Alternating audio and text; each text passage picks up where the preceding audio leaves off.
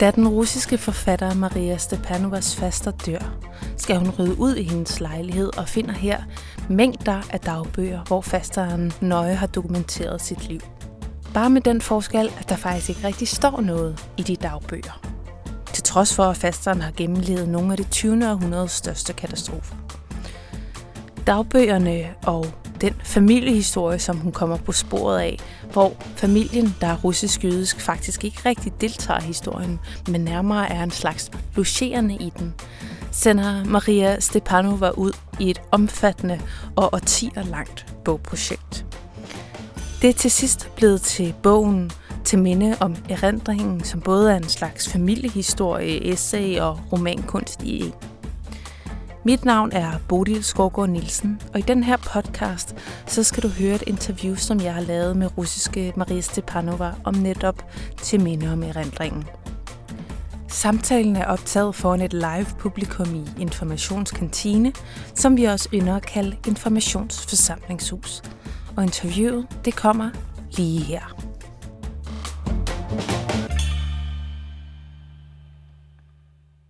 Welcome, Maria Stepanova, tonight to Copenhagen. Thank and so um, I'm very pleased to have you here um, with us tonight. And uh, we'll be talking about this wonderful book, um, which in English is, is called In Memory of Memory. In Danish, it actually we have two words for uh, for memory. Maybe we could talk a bit about also what in memory of memory means. But in Danish, it's called Til minde om erindringen, and it came out last year in Denmark with a terrible timing. Um, I know it's written before uh, the invasion of uh, Ukraine by uh, Putin, but it still struggles with um, with history, with the meaning of the past, with everything that's been hidden away. Um, I want to ask you about, for to begin with, about a time in the book where it all is almost falling apart.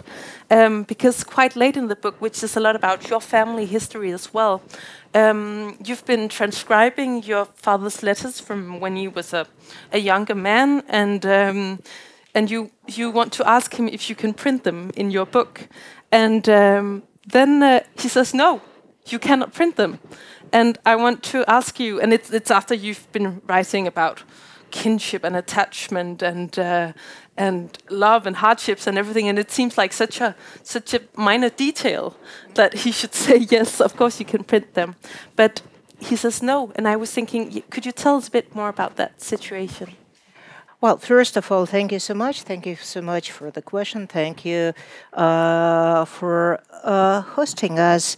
So, uh, your question is leading me right into the heart of the book, which has a long going history, and that story had started maybe, well, God, 40 years ago, because I've started writing it when I was 10 and uh, yeah, I have some evidence. Uh, it is not just you know blabbering. Uh, I have some evidence. Um, but uh, yes, um, when uh, when I was already in my well early forties and preparing to finally write it, uh, I made myself a number of promises. The first one was that I am planning to go into well, I have to make a bit of, of a travel. I wanted to go to all the places where my relatives, my uh, my aunts, my uh, my parents, my grandparents, my great grandparents used to live, and it is a diverse number of places. Some of them in the in the middle of nowhere in Russia, some of them elsewhere in Ukraine and Odessa and Kherson and Kakhovka, the names that are sounding completely different nowadays in the times of the war. And uh, some of them were living in Paris in the beginning of the 20th century. So it was important for me to get there, maybe to well, not to find something, maybe to feel something, and maybe to feel nothing and to understand how big is the gap between us and uh, the previous times and the people we love but maybe not exactly know. And uh, the other matter was uh, dealing with an enormous archive of written material that I have at home. Um, It is, uh, well, uh, the letters, postcards, small notes, photographs, and so on. They were written since the late 19th century and on into the 1980s. And uh, maybe a couple of these people were the ones I used to meet when I was a child. And uh, the majority of them were dead long before I was born. And so to be able to write about them, to be able to understand something, I felt this necessity of typing down the archive, and not only the letters I was hoping to use, but, well, the whole bulk, everything. So to be able, you know, the writing process, if you're writing with a with ink and paper, or if you're just, you know, typing things down, it has a physical dimension. You're getting closer to the writing process of the person that used to live. And it was important to me to feel with my body all the voices, all the manners of speech, so, so to say.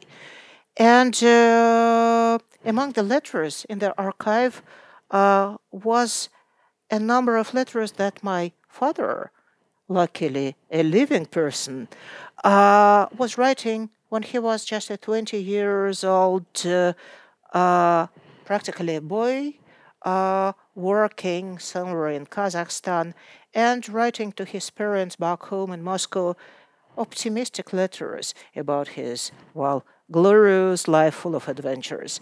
And uh, they're funny, these letters. And uh, also a bit, uh, well, naive, with all the naivete of the Soviet 1960s, which were full of hope for something, for a change maybe. So, yeah, I typed them down uh, and I was sure that um, they would make a nice chapter in the book. This book is full of, well, it is structured around a number of chapters that are called non chapters or not a chapters. And uh, uh, these are the chapters where the actual writings of my relatives uh, exist as a something, uh, you know, as a figurine in a glass display. And uh, so his letters would be forming a perfect chap- non chapter 5.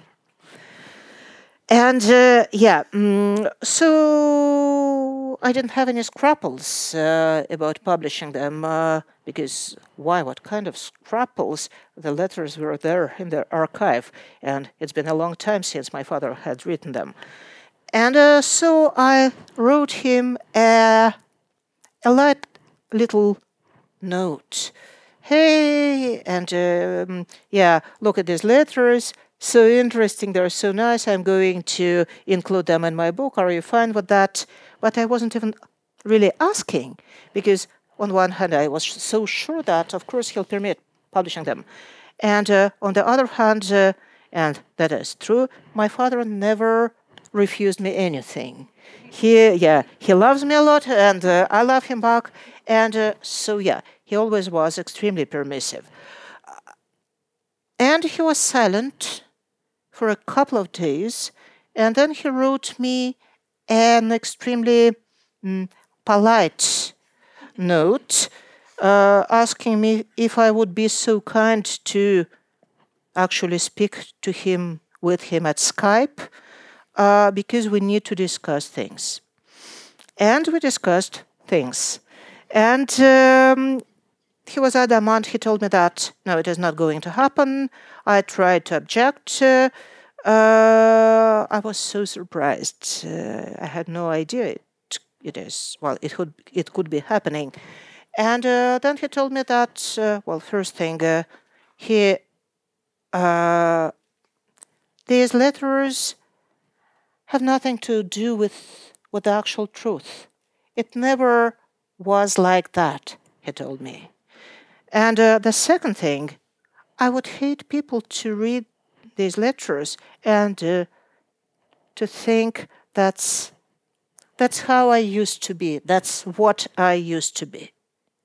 And I tried for a small while. I tried to, well, not to persuade him, but well, to move the conversation onwards. But then I understood something and uh, I was stupefied. It was a turning point in the book writing and uh, maybe a turning point in my life because, well, I understood how actually defenseless us the humans are, especially those who are uh, unable to object anymore. Because luckily, yeah, my father was still able to voice his opinion on the subject. He was able to say no, and I was there to hear him. And of course, I didn't uh, publish the letters, but I asked him for, for a permission to tell his story because it seems important to me.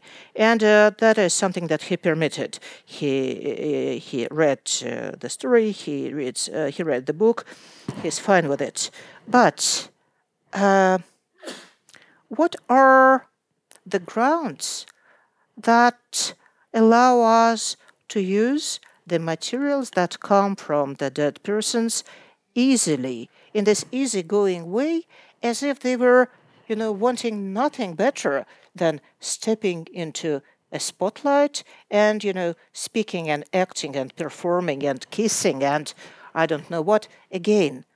Uh, as if they were you know some um, cartoonish figurines that are, you know, uh, obeying the puppet master. And that is basically how it happens when we are dealing with the dead. And uh, there was a number of other letters, the letters that belonged to the other people that are already dead. My great grandmother, who died in uh, in the early 70s, so would she be happy with me discussing her life story? But on the other hand, uh, uh, we feel, and I do feel it deeply, that it is important to, to be talking about them. It is important to be telling the stories. It is important to create this imaginary bridge between us and those who are not existing anymore. And uh, so we're facing an impossibility of sorts. We're supposed to be choosing, but every single time one has to make this choice. And I made my choice. Maybe because we are, well, giving too much attention to this, you know, to the possibility of bringing the dead, the dead back into the spotlight, giving them voice. Uh, and uh, yeah, so I did publish the other letters. I did, and uh, I'm discussing in this book the the uh, the different sides of the problem because, well, I don't think there is a coherent answer, but I think that we have what we can do is being extremely attentive when it comes to the choice, every single time it comes to the mm. choice. There's also this place in the beginning of the book, I think, where you're describing your family as this intellectual Jewish Russian family that uh, were sort of tenants in history or just lodging in history, but never owners of, of history or never participating in it. Um, that's a sentence I'm really interested in because, well, we're all sort of, uh, you know, tenants in history. And you have this careful distance always, or, you know, um, you know you're very um, not anxious but aware of not you know making them characters or comic or comic characters that you just say are you know romantic heroes or anything.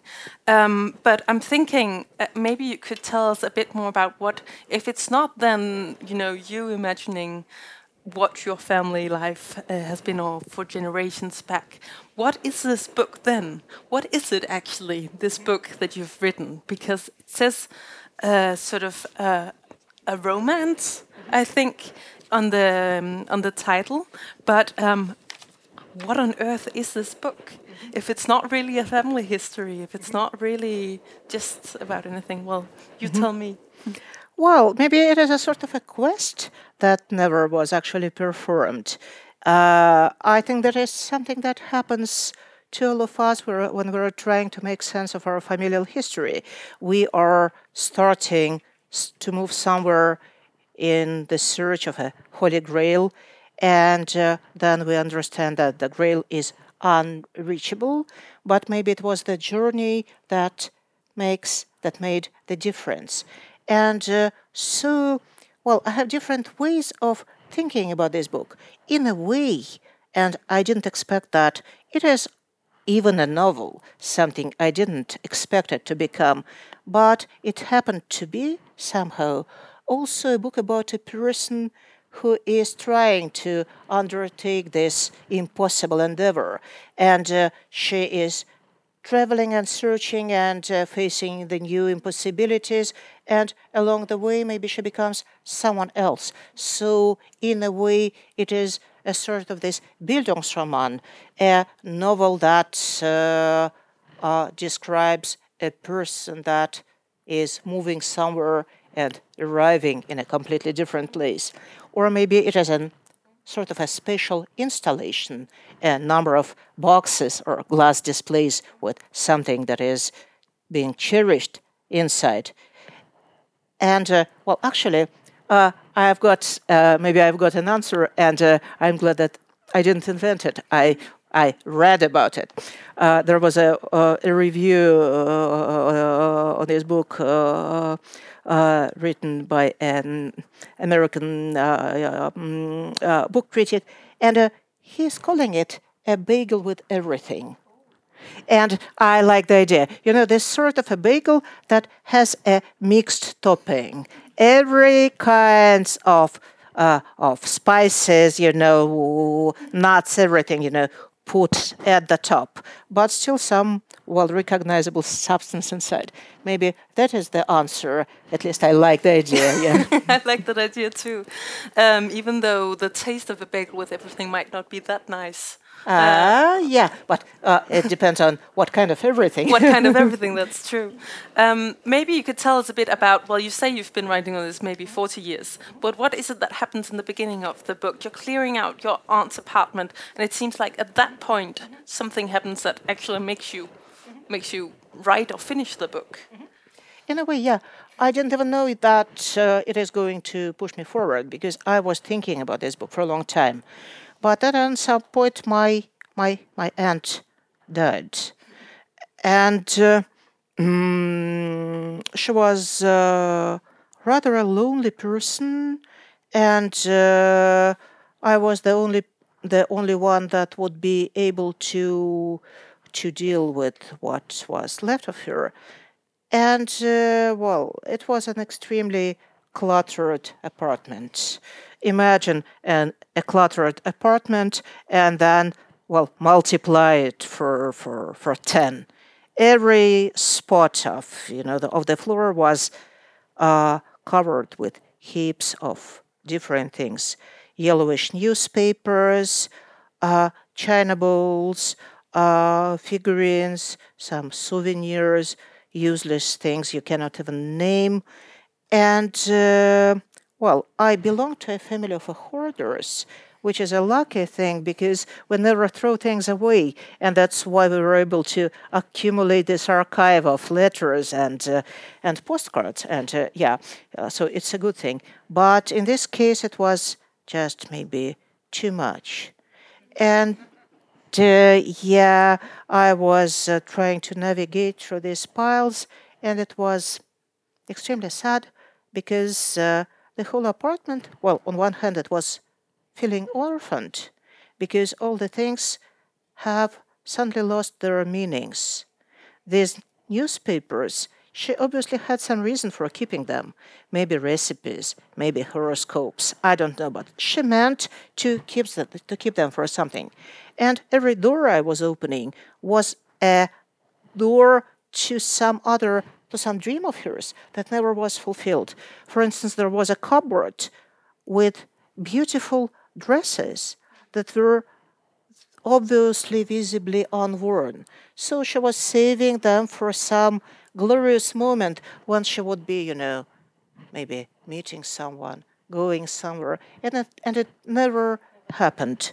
Yes, and uh, you know all the books, and uh, what are, what are you going to do with the books? And I have precisely the same books because you know uh, as it happens i mean all the libraries are copying one another in a way. So yeah mm, it was it was heartbreaking and i had a feeling that this life has to be deciphered. And then i stumbled upon her diaries lots of diaries in her tiny handwriting And I was thinking, aha, now I'm going to, to understand what was happening with her, some traces of her inner life, some, well, some record, record of what was actually happening to her. And there was nothing again because he was carefully enumerating every tiny detail, every movement went to the shop, bought cucumbers, whatever, for pages and pages, with nothing uh, to describe her inner life. She was saying, read a book, never specifying a book or her thoughts afterwards. Yeah. So, again, a life that is extremely visible, extremely detailed, and uh, still totally enigmatic. You cannot make sense of this life, as well as of these dresses, of these newspapers. And uh, for me, it was a beginning. I understood that I'm going to face the same situation. For in a in a way, it was an exemplary situation. I was facing it again and again because another person could be quite explicit about her feeling some love letters of my grandmother, for instance. She was 18 and she was, you know, there was no end of her in expressing her feelings. But still, something remains opaque, something remains, well, unpenetrable. Uh, and uh, yeah, I think that uh, it was uh, it was a beginning, and then I was, you know, starting and failing and uh, starting again. But even the failures were instructive. That's some. That's um, having a whole closet full of dresses that are never going to be used. That seems to me as one who likes dresses as such a such a tragic thing in life. Yeah. But I'm thinking also there's this is link between your personal family history and then history in general, right? That it's impenetrable, that you can't get through to it. There's, there will always be something blocking it. Um, before we talk a bit more about that, I was thinking about part of the book where you find this little porcelain figurine um, that is a motif that keeps recurring through the book, and that are called frozen Charlottes. They keep coming back. Um, maybe you could actually tell us why they're called frozen Charlottes. Yeah, that's another story, and uh, it is interesting because the um, well, there is. Uh, uh, one of the stories I'm trying to uncover in this book because when you're starting, you know, uh, moving somewhere, you are, you may call it serendipity, but you're getting showered with answers.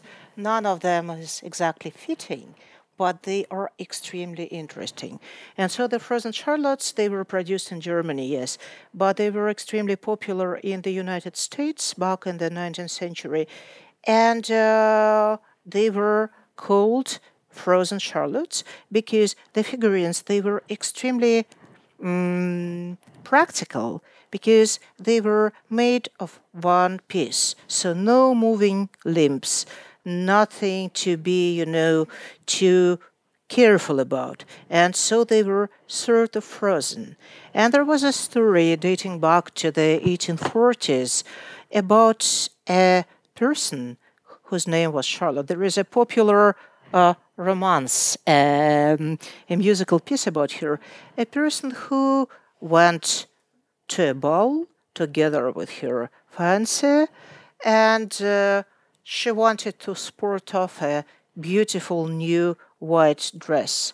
And so she is going by sleigh on the full snow. It is winter time. She is going uncovered without wearing a coat or a fur or something and uh, uh, she arrives frozen, and it is impossible to bring her back to life, which is a macabre uh, name for a tiny toy that is supposed to be that was produced for the children, but that's uh, that's uh, a macabre, let's say, undernet, a macabre underbelly of the of, of this particular yeah and also there's a lot of like the you know the horrors they're always always beneath you. And they you end this the last that, the sentence that i read was that you've survived the collective catastrophe of europe.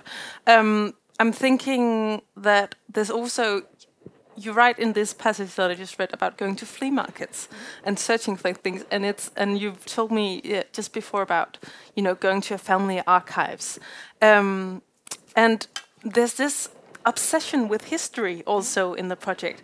Other people might just have found that little porcelain figure and thought, "That's a cute little porcelain figure. I'll yeah. put that in my windowsill." You don't do that. You uh, you follow history and you you you learn a lot of history out of its of its um, rabbit hole, and you make it it come to light. But it can also suddenly suddenly there's history everywhere. Could you talk a bit of if if the word obsession is right? I don't know, but about that that way of seeing history everywhere you go, practically. Uh, I do see history wherever I go, and uh, uh, strangely, I'm not alone with that. It is, uh, it is something that is becoming more and more, well, not even popular. It is something that goes quite global, I would say, that is transgenerational and transnational, trans- translingual. It is a feeling, this obsession with history, this obsession with the past, is something that might be uniting us for a considerable time period, maybe for 20 or 30 years. I think there was a certain shift in, in well, contemporary European sensibility, a shift that is sort of preventing us from being too interested in the future. It practically scares us, but we're turning back to the past. And uh, I have dozens of examples, starting with the sudden role that nonfiction writing is playing in our everyday lives. And the best example is your uh, average uh, bookshop in, in any possible airport. Uh, 15 years ago, it was mostly the you know American bestsellers. Now there are dozens of books that are well nonfiction writing and that are dealing with history as well as fictional books. So we are getting flooded with history. And uh, there is lots of things that are signifying it. For instance, the way everything, well, antique is becoming suddenly valorized. I remember the times when the generation of my parents were actually throwing away the beautiful furniture coming back from the 19th century because they wanted to replace it with, with something contemporary. You know, these uh, tiny tables on the on the thin legs uh, that were made in the 60s. But now everything that comes back from the 19th century, as well as everything that comes back from the 60s and the 70s and the 90s. And we had to invent the term vintage to be able to glorify things that were produced maybe five or ten years ago. So there is no end to it, and it has a certain commercial potential. And when it becomes a part of this capitalist structure, uh, past suddenly becomes political. There are more and more actors who are trying actors who are trying to claim a place for a play or a for a place in the past that are suddenly trying to well to well to use the past as a resource to colonize the past maybe and it becomes a part of uh, other people's political agenda if we are uh, following the uh, electoral campaigns of the uh, right turn leaders in Europe or in the US we're seeing that they're endlessly referring to the past, maybe to the imaginary past, as a realm that needs to be reached back to. So, make America great again. What kind of again? What kind of greatness? What they are trying to reproduce. And uh, we've been talking about that a little bit. I really think that uh, uh, the current invasion and uh, the whole frame of uh, Russia's war against Ukraine, and especially on this last uh, year's period, is also a memory war. A person or a state is trying to impose its notion of the past on a neighboring country. and it is using all the possible means, including you know tanks and bombs uh, and so on. Yeah, you you talk also in the book about like this collective fetish of the of the of the golden past. And uh, this you just mentioned this um, well this cult of memory or this you know everything having to be great again. And um, and I mean you can see it everywhere. Or just I've read a story recently about um, the Russian president giving back some important art history icons to the churches who don't know how to, you know, handle these very fragile things. But then at least it looks like it did 400 years ago. I don't know, but but it's like you can't make the past come again. Um, but I'm thinking also maybe um, the funny thing is, though, well, not funny, but but you have a critique, even though you participate in it, this cult of memory, even, um, you also have a critique of this thing we call post memory, or, um, you know, trying to remember what someone else remembered, this building upon it. Um, you have a critique of being very hung up about the past. Um, and you just say said that how we are scared of the future. What is um, what's what's the deal also with this? Uh, also maybe in the West with this post memory mm-hmm. trend? Ah, it is an old trend actually. It was, uh, and uh, maybe an interesting part is uh, when and how it did become so popular, when it uh, became a defining trend for a couple of generations. I would say actually that, uh, well, it was described by Marianne Hirsch, you know, the American scholar who is describing post memorial sensibility as uh, a significant turn. She is talking basically, she is a Holocaust, post Holocaust scholar, so she is mostly describing the sensibilities and activities and uh, uh, cultural work of the so called survivors of the second and third generation. So, not those who were uh, alive and active during the catastrophe of the Jewish nation in uh, during the Second World War, but the children and grandchildren and their ways of coping with that.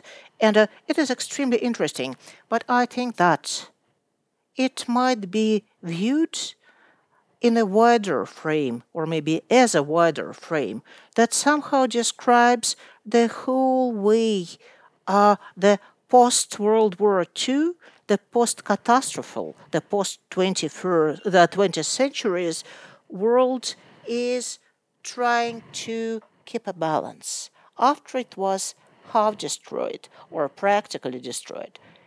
This claim to this attempt of coming back, this attempt to keep to keep to to to move back at least something and to cherish the remnants because the, the, the, these are the only things we are left with.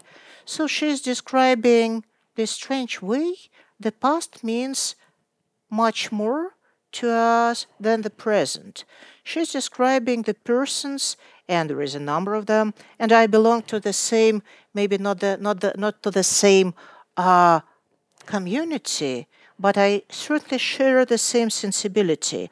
She's describing the 20 years old who are much more interested in the details of their grandparents' lives than in their own love lives and, uh, well, uh, uh, schools, adventures, whatever. People who are cherishing the past much more than the, the, than the present. And at some point it becomes interesting and uh, maybe even a little bit threatening, I'm doing a small sort of an experiment whenever I'm teaching somewhere. And uh, I'm doing it in Europe and different places, in the US, whatever. Uh, I'm asking the students if they would be able to name a certain movie, a blockbuster, that would be presenting the future as a welcome perspective. So, not a dystopia, uh, and maybe not a utopia as well, just something, you know, livable, doable, a future that you would have no scruples, no objections against, a future that you would be content with, not even happy.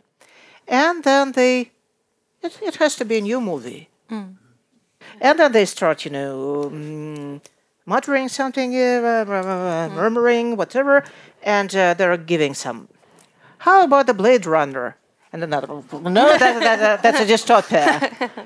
and at some point, uh, practically without exceptions, someone comes up with an idea. They say, hey, back to the future. Exactly. We remember when it was filmed 1985. So, for more than 30 years, uh, the huge machines of entertainment industry, all the glorious minds behind them, were unable or unwilling to propose a tolerable, tolerable version of a future. But we've got every year we're having all the new kinds of dystopias political, environmental, societal, whatever else. And uh, it is a rightful thing, of course, to be saying, hey, take care, be aware, whatever. But still, not a single film that would be welcoming the future. There is something strange about it. And so they are deeply scared of the future, as well as we are, but maybe they have even more grounds for that. And they are dissatisfied with the present, as well as we are.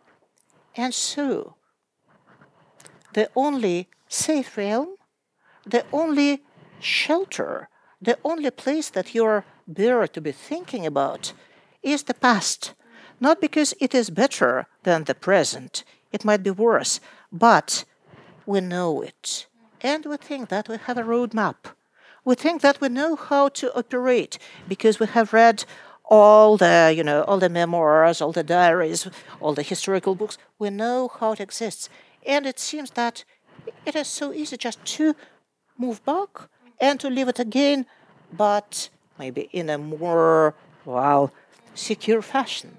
And uh, that is something that makes me that makes me wonder.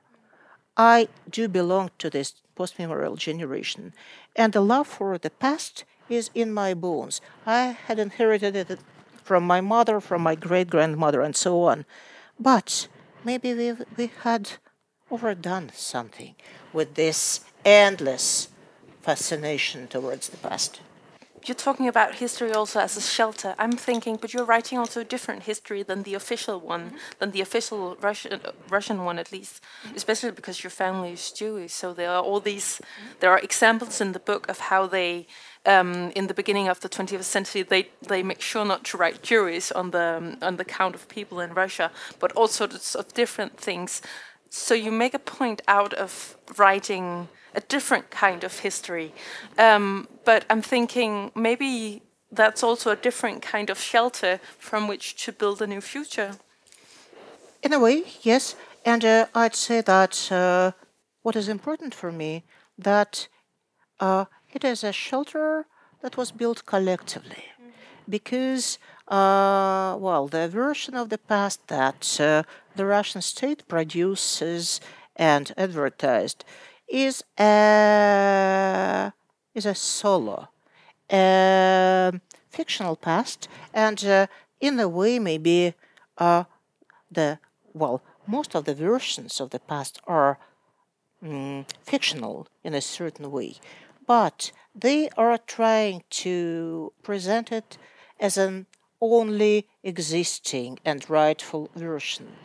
And I would say that uh, what is so important for me in this sudden emergence of memorial writing, all the memoirs, all the diaries published, all the non-fiction books, all the fictional books, they are trying to deal with memory in the most personal way.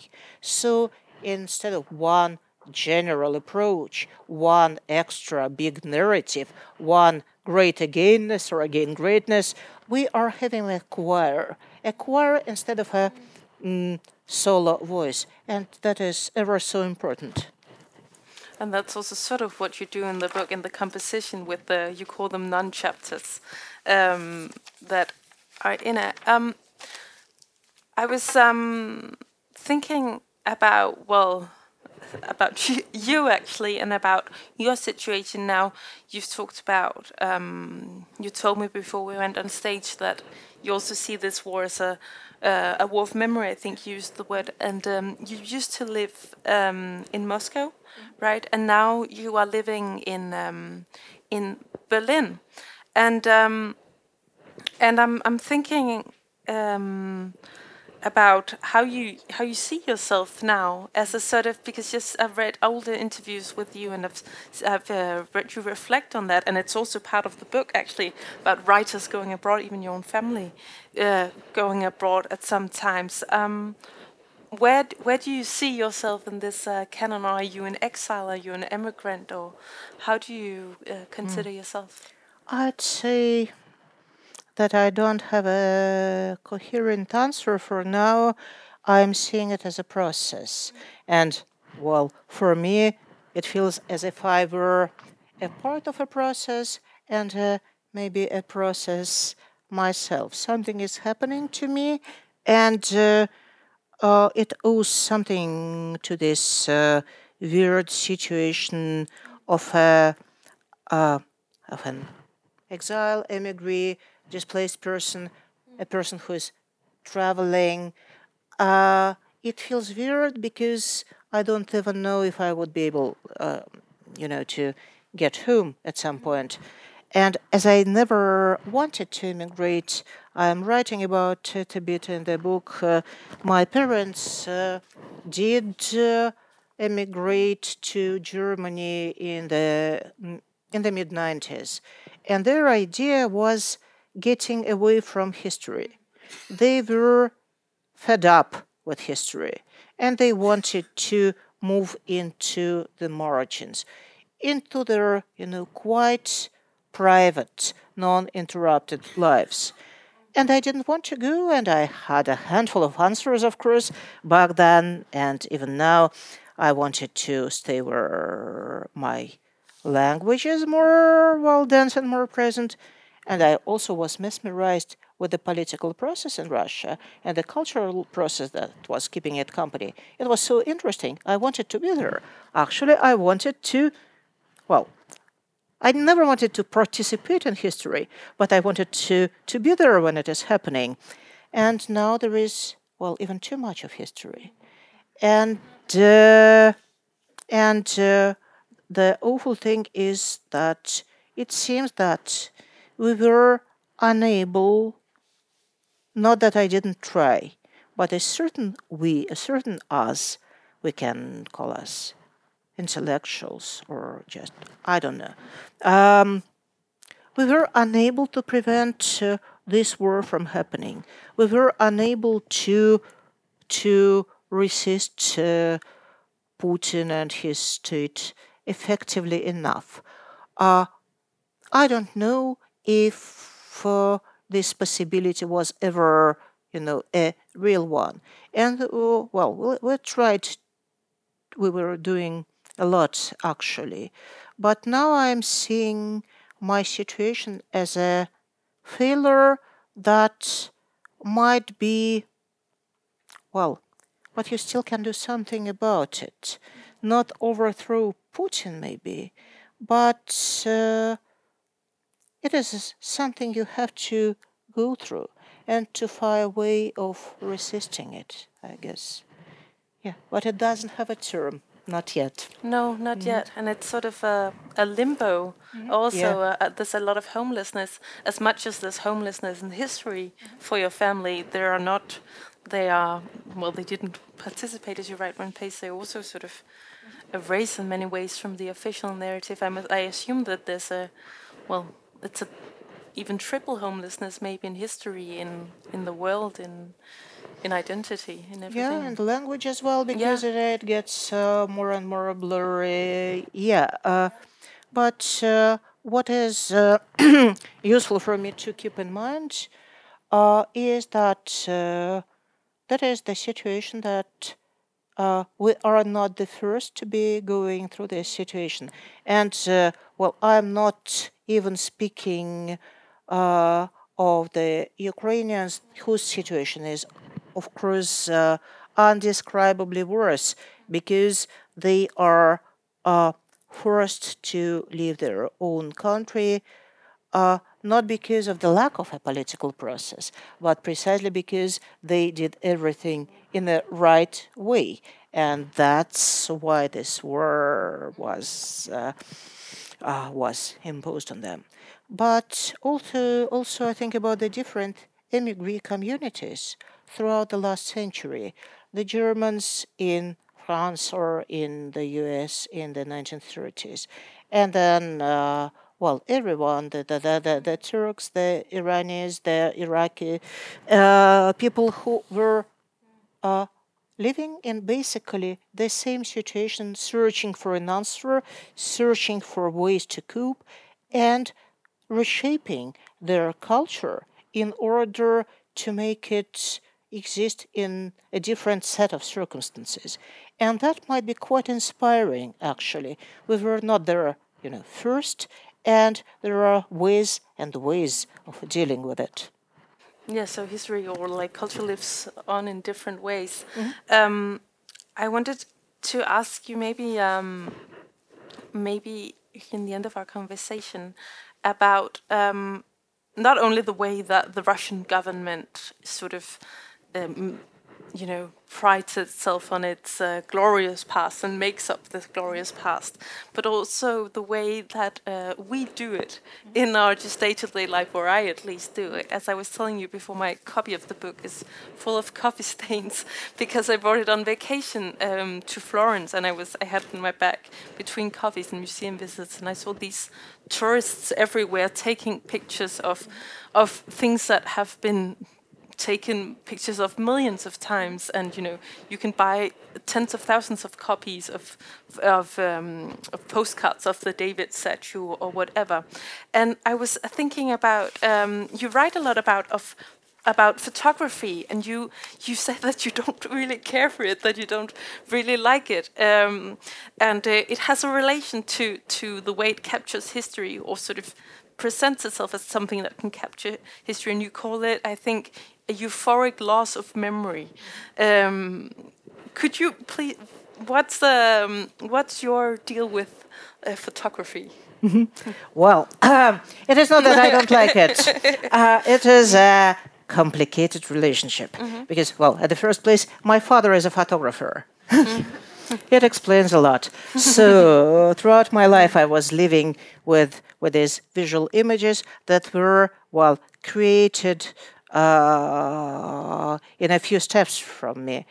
And uh, you remember it was the time when it was an intricate process. So he had a sort of a laboratory in our small apartment, and uh, the door to the bathroom was always closed, and there was this red light, and the the the, the uh, paper was uh, floating in in, in, in, special bowls, and then the images started emerging.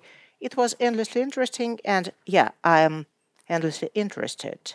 But also, there is something that scares me about the way that contemporary life is again and again choosing the visual language over the language of words and sentences, the language of, well, flashes of information uh, instead of a, a logical or illogical, but still a temporal way of explaining things. And of course, we know that, uh, I mean, loads of wonderful works uh, have been written about photography, starting with Susan Sontag and Roland Barthes, and so on and so forth.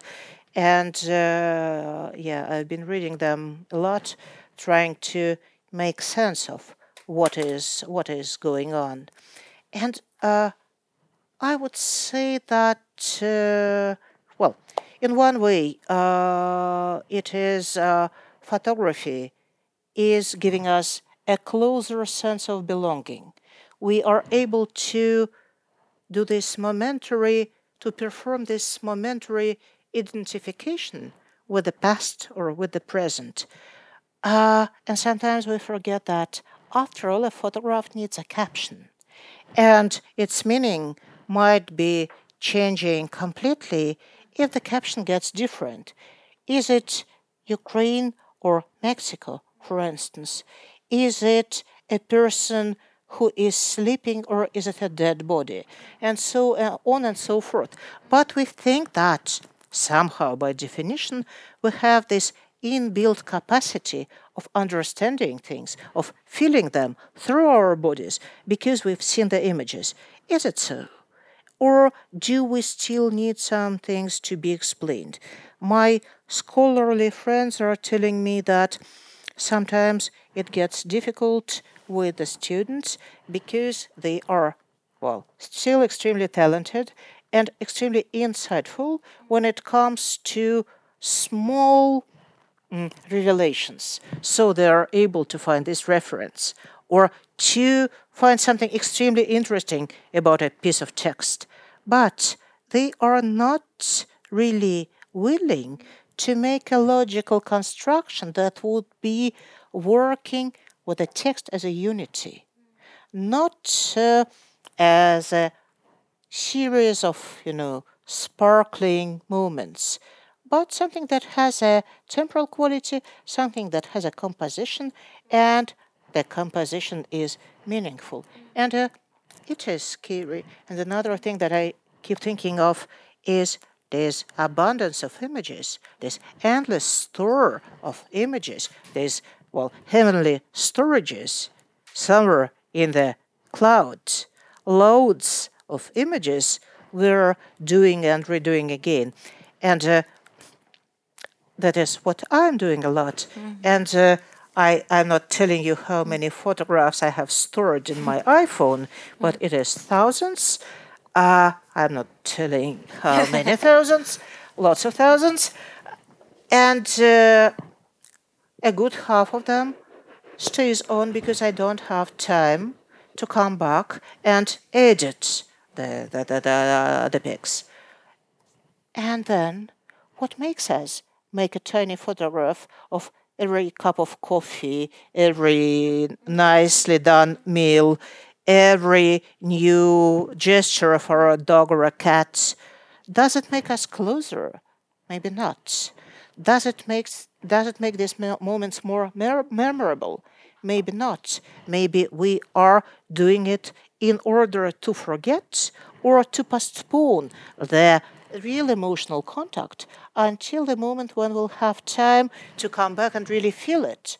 That is how, you know, there is a special, a special way of, uh, uh, of uh, going through an art museum. A person is not actually watching the paintings, but comes over to the next painting and then to the next painting, making a photo. What does it mean? It means again one more case of postponement. She is going to, well, to watch Mona Lisa on the screen of her iPhone when she gets home. And what does it say about us? And again, when will when will die? Who is going to go through these thousands of images as I was going through my Aunt Galia's apartment? Who is going to care for them? Who has enough time to to try to understand. And uh, that is a that is a sad thought. And uh, well, one more sad thought is that maybe we are relying on our technical abilities too much. And uh, when I think of Ukraine and of Kiev and of the other Ukrainian cities that were forced to live practically without electricity for a long time. And then I think about all these, you know, cloud storages and e-readers and hard drives and uh, ways of preserving information without paper, without actually having it. We are just, well, storing it somewhere. And uh, actually, it is quite questionable if we are always to have an unlimited access to our own memories. Mm. And that is also well, maybe scary a bit. I agree with you. There's also a like a meaninglessness yeah. in it mm -hmm. that mm -hmm. seems yeah. it's like it's a yeah blind sort of, accumulation yeah. of yeah, images that doesn't make sense together, but they have to be there in order mm. to to do what? To actually, I think that the idea is actually well that in ideal circumstances, ideal circumstances, it would amount to reproducing our own lives in series of images so that we would be able to come back to any possible moment and reproduce it but we never do that There's also, I think, a parallel between your Aunt Galia's uh, diaries, where there's no, there's like ate a meal, but what meal? What read, read a book, but what did it make you feel? And these images that just exist, and there's so many of them, but what do they mean? Um, but still, it's well, I can't help myself. I do it. I see something and I Same want here, to. yeah. I, you told us about your iCloud cloud storage, and I'm thinking about this. I want to end on this allure of, of history of actually you know the idea we can go back. We can see my stupid little iphone will show me a memory. And i think there's a part in the book that sort of mirrors that. There's a lot of layers that build upon layers and, and layers and, uh, and mirroring in the book.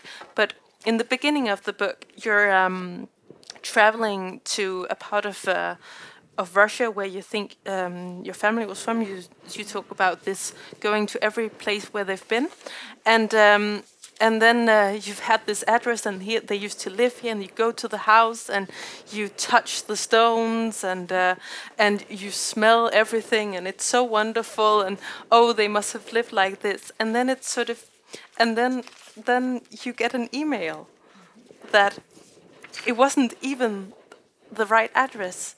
And you say that's about everything I know about memory. Um, could you tell us about that? That must be because that's where you end. That must must have been such such a that must have been a horror. Um, you know, yes and no.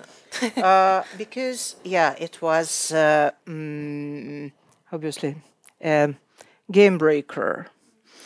I uh, took some trouble to get into this uh, uh, old, beautiful provincial city, and I found the exact yard. uh, and uh, what was important that was maybe the first time uh, in the whole story when i felt this real real you know pang of recognition it was a, an important emotional point because i was practically feeling embraced i was feeling hugged by this empty yard with its greenery, some broken chairs, some, you know, stones. Uh, I felt that uh, for a moment I am in the right place and the right time as a mm, as a natural outcome of this long, long line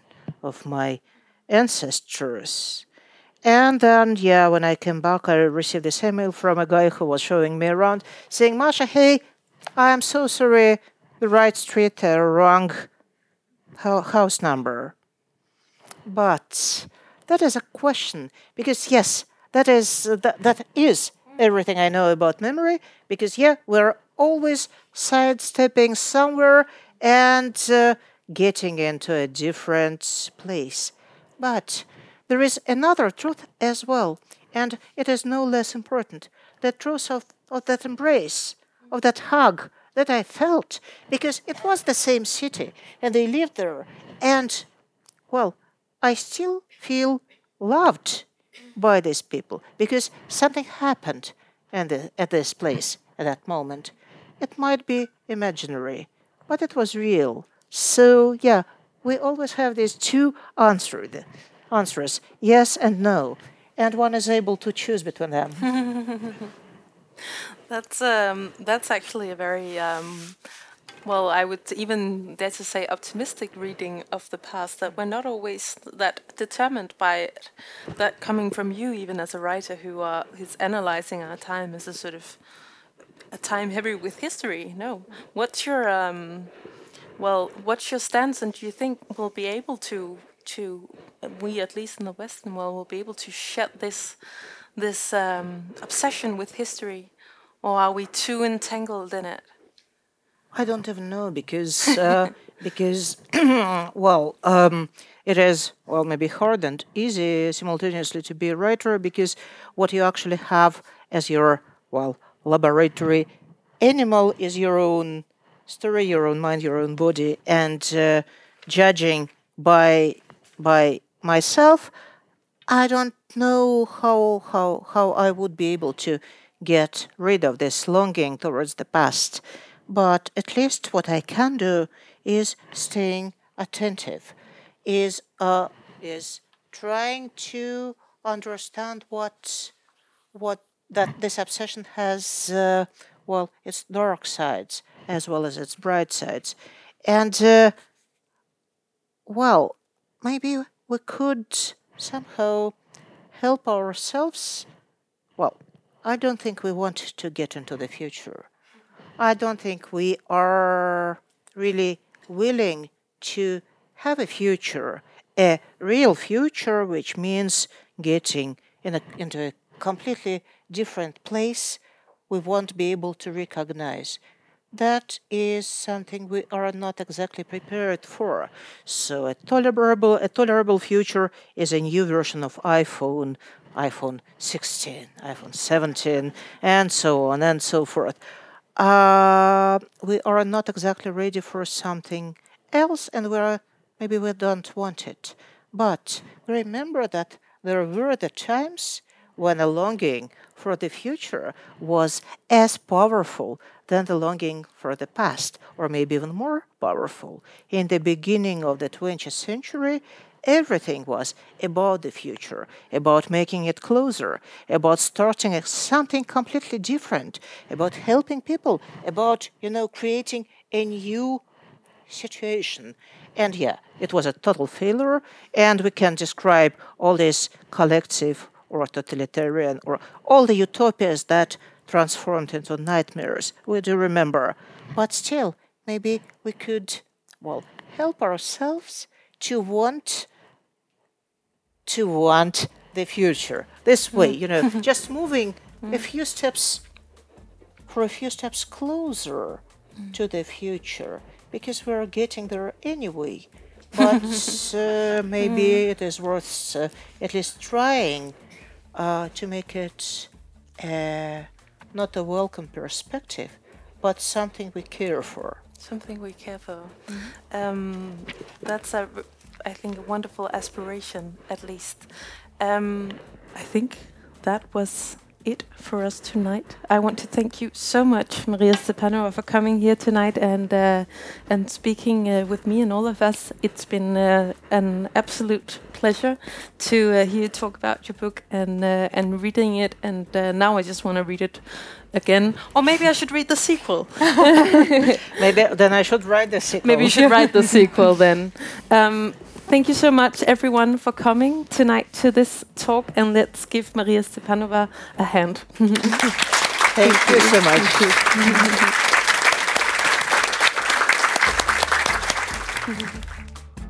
Det var så mit interview med forfatteren til, til Minder om erindringen, Maria Stepanova. Du kan høre mange flere podcasts fra Informations live arrangementer i podcastkanalen Informationsforsamlingshus, som man finder der, hvor man nu også hører sine andre podcasts. Og hvis du selv kunne tænke dig at deltage i et arrangement i fremtiden, så kan du holde øje med butik.information.dk, hvor nye arrangementer løbende vil blive annonceret. Mit navn er Bodil Skovgaard Nielsen, og jeg vil sige tak, fordi du lyttede med.